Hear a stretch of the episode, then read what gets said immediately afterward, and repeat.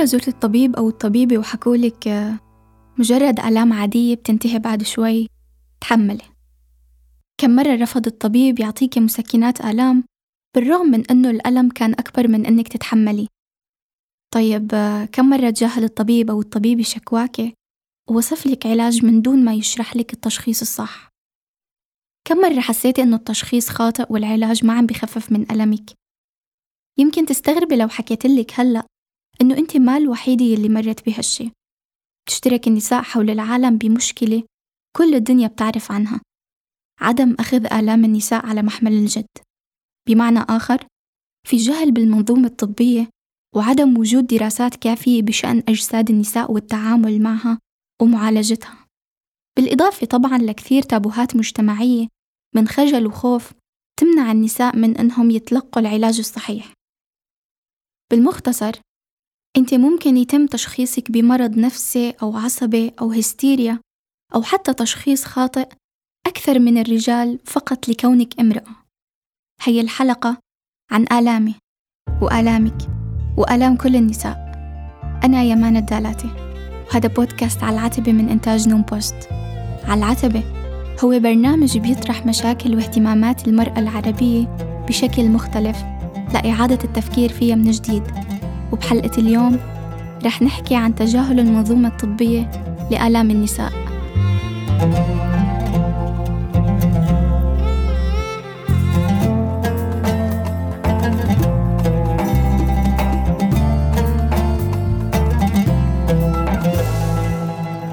بدراسة أجريت لصالح المعهد القومي الأمريكي للصحة عام 2008 تبين أن النساء بينتظروا حوالي 16 دقيقة أكثر من الرجال. لتلقي أدوية مسكنات الآلام في قسم الطوارئ. وأيضا يعتبر النساء المصابات بأمراض مزمنة أكثر عرضة من الرجال للتشخيص الخاطئ أو بميل أغلب الأطباء عادة لتشخيصهم بأمراض عقلية أو تعب نفسي أو بحاجة لراحة أو حتى ممكن يحكوا لها دلال زايد. طبعا ما بس الأطباء الرجال بيستخدموا هي التعابير مثل بكفي دلال شدي حالك تحملي. لا حتى الطبيبات بيقولوا كلمات مشابهة. ببساطة لأنهم ربيوا معنا داخل المجتمع اللي بيحمل هي الفكرة. هم كمان ضحايا مثلنا. بس ضحايا بينعتب عليهم.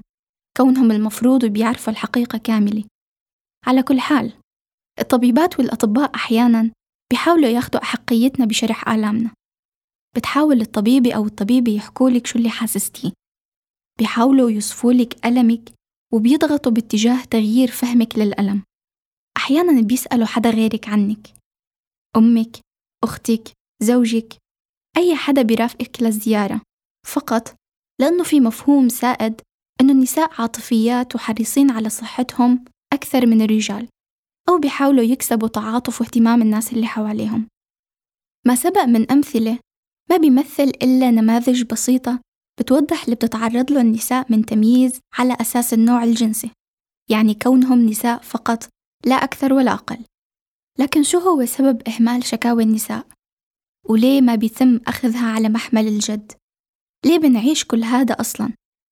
السبب أنه بالأساس لم يتم إشراك النساء بالدراسات الطبية ولم يتم تجريب العلاجات على أجسادهن والأمر ما زال مستمر حتى اليوم بهذا الشكل واللي أدى بالنهاية لإصدار المعاهد الطبية بأمريكا قرار بضم النساء لتصنيف الأقليات بالأبحاث وحتى اليوم ما زالت نسب مشاركة النساء بالتجارب الطبية والمخبرية وغيرها أقل من الرجال أو شبه معدومة.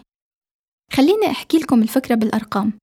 بالعودة لموضوع الألم المزمن 70% من المصابين بأمراض مزمنة حول العالم هم من النساء بينما 80% من الدراسات المتخصصة بفهم الآلام وتبعاتها تجرى على الذكور من الرجال أو حتى الفئران.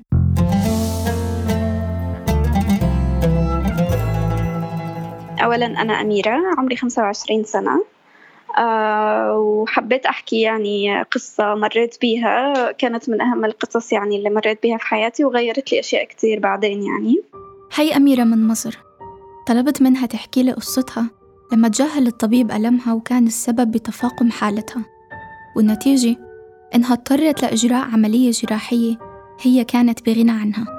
من من ثلاث سنين تقريبا مريت بألم شديد في جنبي اليمين. وك يعني أي بنت في العادي إنه ما ما اديت له أي اهتمام وحسيت إنه يعني عادي خصوصا إنه تزامن مع وقت الدورة الشهرية عندي فإنه عديته الموضوع وقلت أوكي. بعد بيومين آه، جالي الألم تاني بشدة أكبر. آه برضو في جنب اليمين وحسيت إنه أنا مش قادرة أمشي يعني وصل لمرحلة إنه أنا بمشي بصعوبة.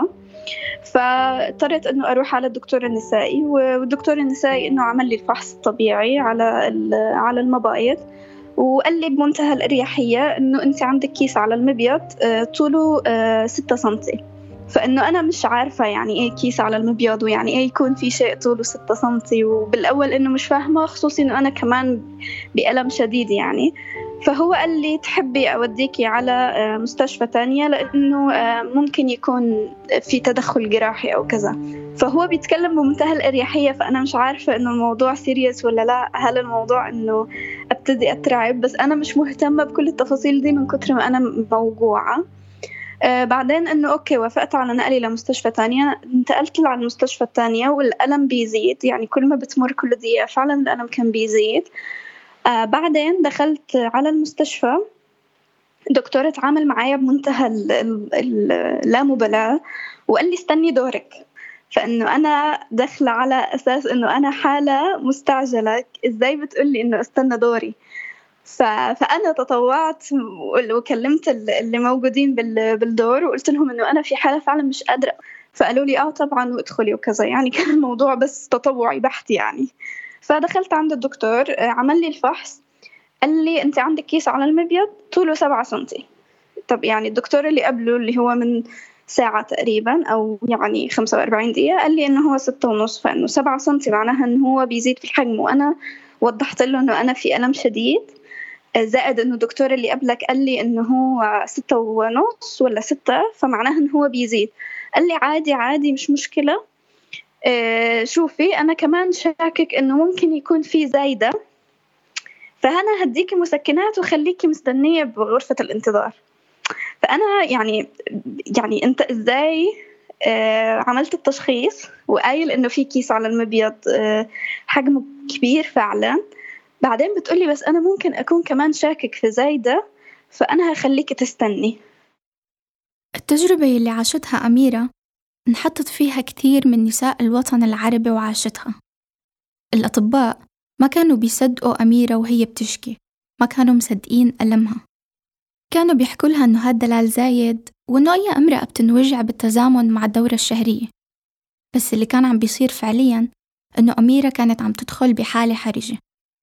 فإنه طبعا أنا بالوقت ده يعني بشخصيتي اللي كانت في الوقت ده كنت بشوف إنه الكلام اللي الدكتور بيقوله هو اللي صح. فإنه okay يعني أنا أصلا مش عارفة إيه الكيس على المبيض وأنا أصلا يعني الوجع جالي فجأة وما كان عندي يعني ما كانش عندي كل ال symptoms اللي الناس بتقول عليها لأكياس المبايض.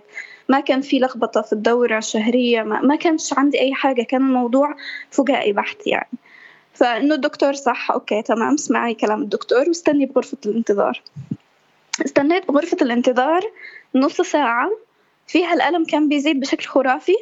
أنا مش هقدر أوصفه لك من كتر ال ال الوجع يعني. وهم كل اللي كانوا بيعملوه كاستجابة إن هم بيدوني زيادة في مسكنات الألم. كل الأطباء والممرضين اللي حوالي أميرة كانوا بيحكوا لها نفس الكلام. ألمك عادي قابل لأنك تتحمليه وكانوا بيحاولوا يوصفوا لها مسكنات آلام بالرغم من أنه حالتها خطيرة. وكان واضح هذا الشيء تماما عليها.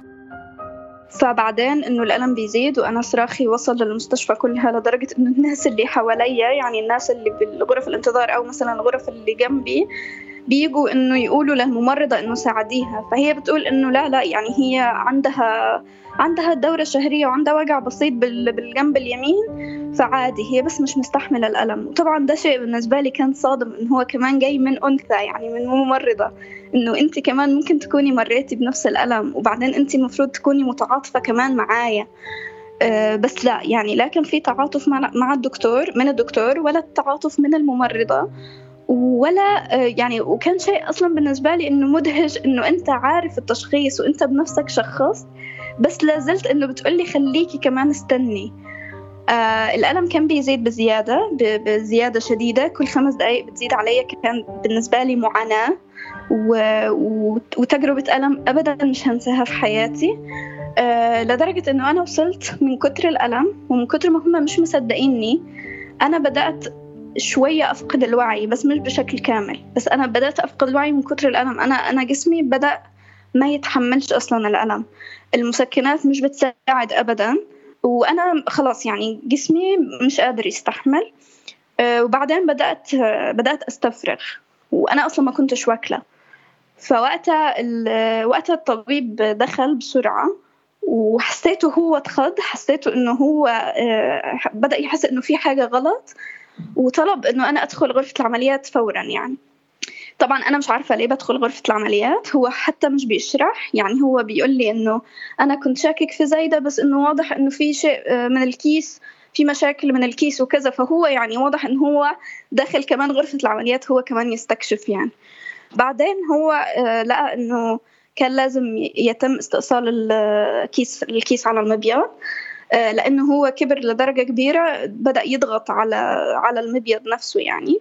فالحل كان استئصاله فورا. توصف أميرة هذا اليوم اللي أجرت فيه العملية من أسوأ أيام حياتها. هي ما بس عانت من الألم هي كانت بتعاني من أنه كل اللي حواليها حتى النساء اللي مفروض أنهم يكونوا فاهمين ألمها ما صدقوها. أجرت أميرة العملية واستأصلت كيس بطول سبعة سنتيمتر من على المبيض واللي كان من الممكن أنه يؤدي لاستئصال المبيض كاملا وإنها تتضرر وإنها تكون غير قابلة لإنجاب الأطفال لاحقاً بسبب عدم تصديق الطبيب لألمها.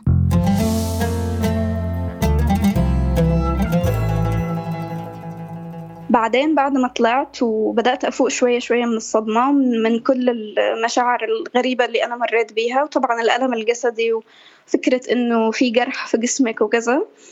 آه، إنه قعدت أقرأ على الحالة لأنه هو طبعا آه، قال لي التشخيص إنه كان في كيس كبير بالحجم واضطرينا نشيله ونفحصه عشان نشوف إنه لا قدر الله إذا في ورم أو بداية اورام أو كذا والحمد لله ما كانش في أي حاجة.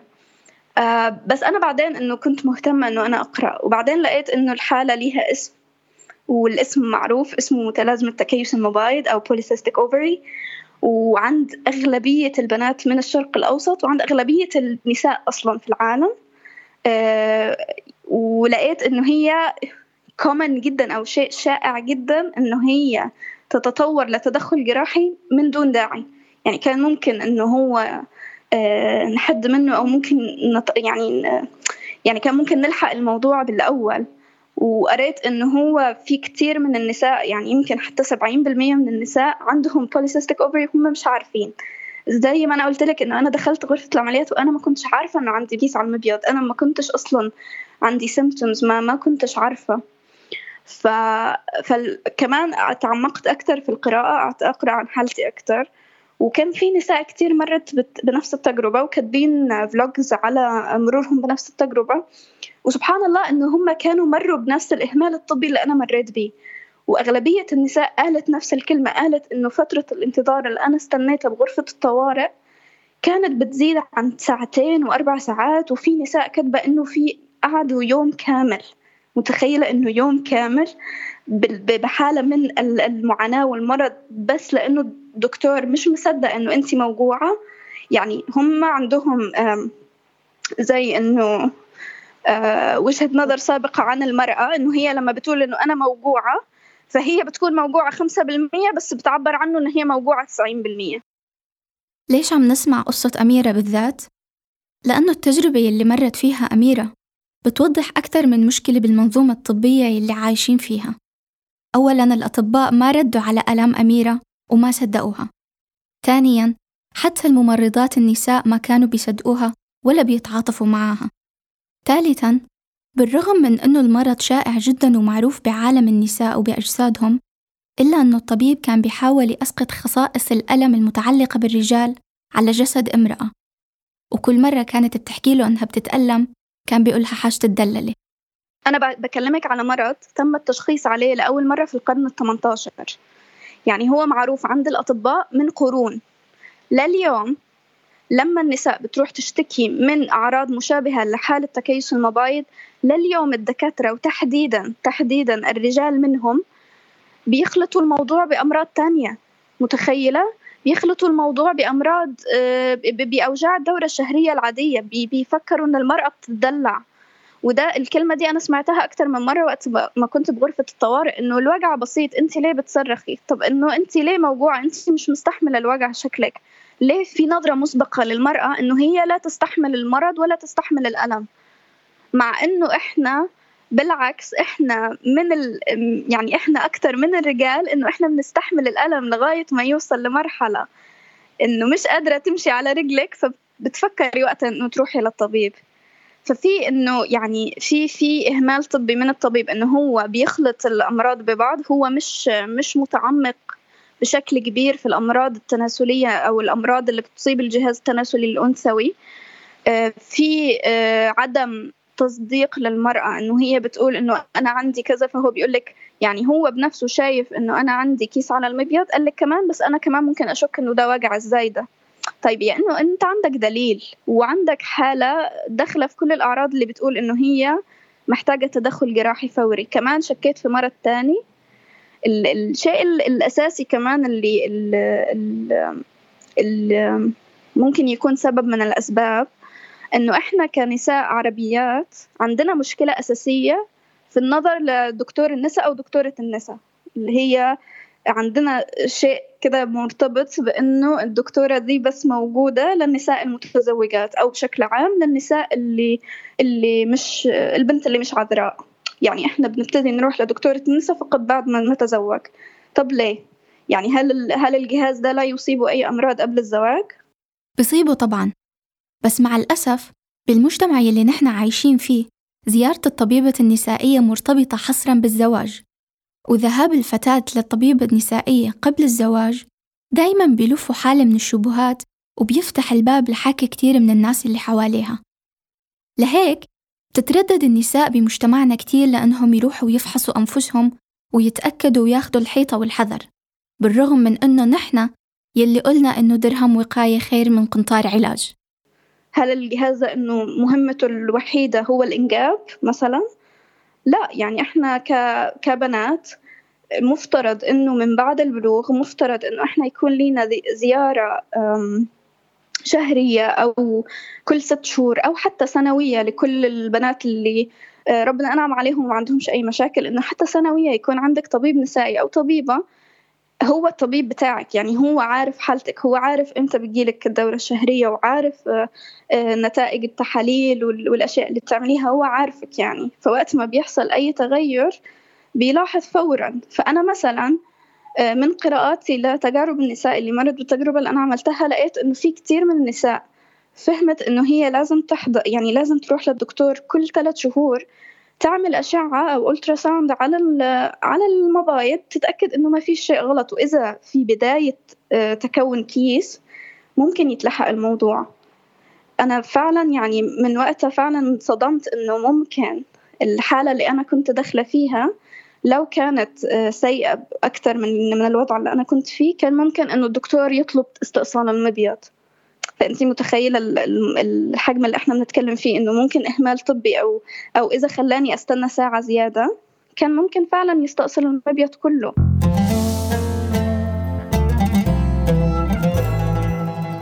نحتاج سنوات طويلة من الجهد والتوعية على مستوى المجتمع.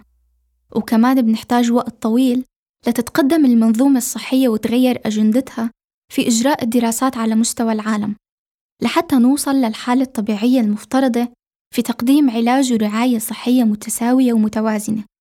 وحتى هداك الوقت مضطرين ناخذ زمام الأمور ونلاقي حلولنا بأنفسنا. آه، كمان في نقطة كمان حابة أقولها لك إنه إحنا كمان مش بنصدق وجعنا من كتر ما إنه في انعكاسات من اللي حوالينا ومن الطبيب اللي هو بيكون في أغلب الأحيان آه، راجل.